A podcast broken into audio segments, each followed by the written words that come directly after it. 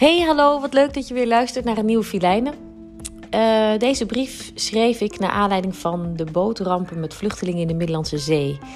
Uh, dat is dus al een tijdje geleden, maar bij het herlezen van de brief merk ik dat het eigenlijk nog steeds hartstikke actueel is. En als ik hem lees, krijg ik weer hetzelfde gevoel als toen ik de brief schreef. Het is een brief aan jou. Aan jou. Veilig achter het scherm net als ik.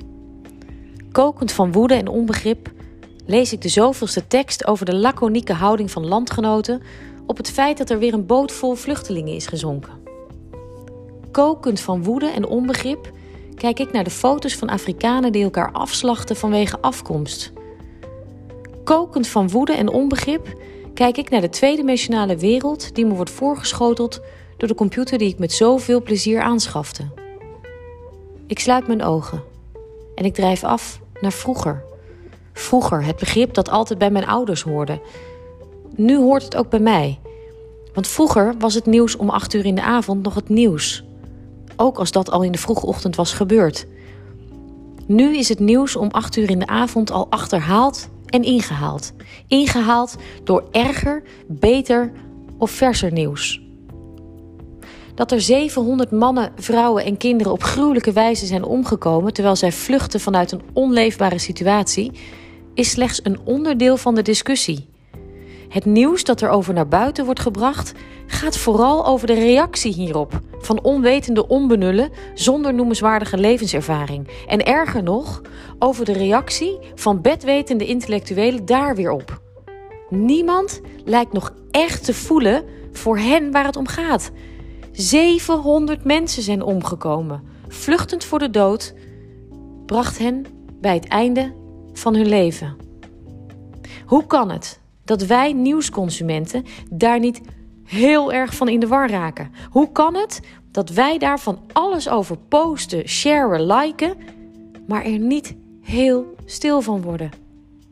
Hoe kan het dat een reactie die veel meer zegt over een persoonlijk gebrek aan empathie dan over het nieuwsfeit zelf, viraal gaat. Hoe kan het dat meer mensen bezig zijn met haten van die paar kortzichtigen dan met het meeleven met de echte slachtoffers?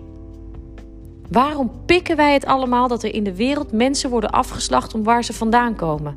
Waarom kijken wij massaal naar foto's van brandende wereldburgers om vervolgens doodleuk de bewijzen van geslaagde levens van onze Facebook-vrienden te aanschouwen? Ik snap ons niet meer. Terwijl jij een duim plaatst bij mijn foto, plaats ik er een bij jou. En terwijl de aandacht gaat naar mensen met een onmenselijke mening, zijn er anderen op zoek naar de lichamen van hen die stierven door onmenselijk handelen. Ik ben een beetje in de war. In de basis hebben we allemaal hetzelfde gevoel. Angst drijft ons doen en laten. Zij die vluchten zijn bang voor de dood. Zij die oordelen zijn bang voor verlies of verandering. En ik? Ik ga wederom terug naar vroeger. Er komt een regel uit een kinderliedje bij me boven en ik besef hoezeer dat voor ons allemaal geldt. Ik stond erbij en ik keek ernaar. En terwijl ik dit schrijf, breekt de zon door de wolken en voel ik dat de woede die ik in mij heb omgebogen wordt naar een energie die eruit wil, die eruit moet.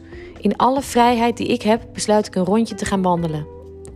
Weg van het nieuws of dat wat ze nieuws noemen.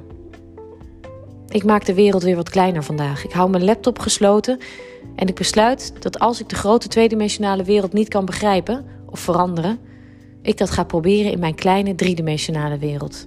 Vandaag wordt voor mij een dag van aandacht. Aandacht voor de dingen waar het echt om draait. En in gedachten hoop ik dat iedereen morgen een beetje minder bang is. Filijnen.